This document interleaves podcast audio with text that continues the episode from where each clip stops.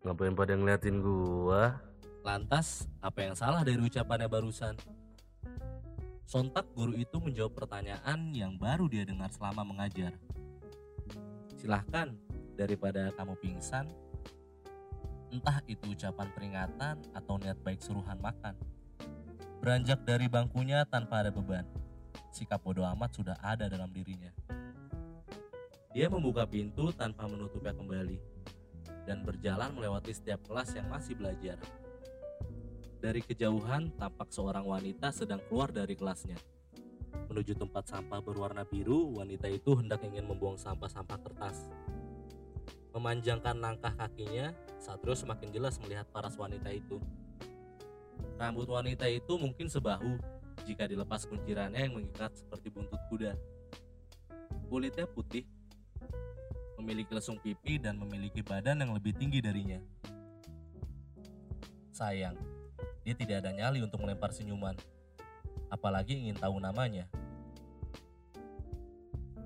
Tiba di kantin, semua penjual makanan masih siap-siap, merapikan dagangannya dan ada pula yang baru mulai memasak.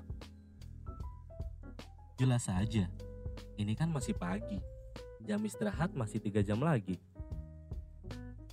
Sambil lihat-lihat, langkahnya terhenti melihat etalase kaca memajang mie. Pikirnya mie tinggal masak, jadi deh. Belum sempat bertanya, ibu penjual itu sudah terheran. Loh kok udah keluar? Kan belum istirahat. Iya bu, saya disuruh keluar. Saya belum sarapan. Indomie goreng pakai telur satu ya bu? Jawabnya dengan cepat.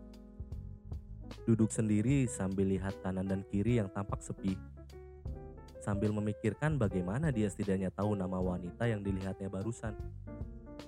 Kalaupun ini dinamakan cinta pandangan pertama, dipandang balik saja tidak. Malah wanita itu langsung membuang muka. Positif thinking saja. Namanya juga siswa baru, jelas masih malu-malu. Pesanannya datang. Dilahapnya mie itu yang belum teraduk merata. Otaknya kembali memikirkan kejadian tadi. Mungkin ini kali pertama dia memikirkan wanita.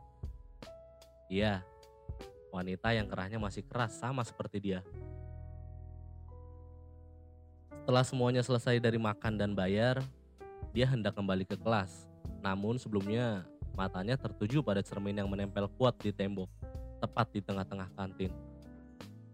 Ada keran air, langsung saja dia membasahi mukanya. Merapikan rambut, berharap ketidakmungkinan yang tidak mungkin akan terjadi, wanita yang dianggapnya cantik itu keluar lagi membuang sampah. Bayangnya kalaupun dia keluar lagi, dia akan mengulurkan tangannya, berkenalan, dan tukeran nomor handphone. Realitanya saat dia berjalan menuju kelas, tidak ada satupun yang keluar membuang sampah. Ada sih, itu juga petugas kebersihan sekolah. Langkahnya sedikit diperlambat, tepat di depan kelas wanita itu belajar. Pandangannya terhalang kain hordeng. Menjijitkan kakinya pun masih saja tidak terlihat. Entah hordengnya yang terlalu tinggi atau dianya yang terlalu mini. Tiba juga dia di kelas yang sedang sunyi-sunyinya. Baru memasukkan kepala di antara kedua pintu yang setengah terbuka. Hei, tunggu sampai kelas saya selesai. Oke teman-teman, jadi ini cerita Asasia part kedua. Untuk Asasia part ketiga akan rilis Jumat minggu depan. Jadi jangan lupa follow akun kita dan buat kalian yang udah follow akun kita jangan lupa repost di story kalian, dukung kita terus dan semoga kita juga jauh lebih bersemangat supaya kualitas audio akan jauh lebih baik untuk didengar di telinga kalian.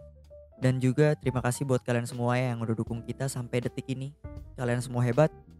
Gua Matthew pamit, sampai jumpa di Asasia part ketiga. Jumat minggu depan jangan lupa.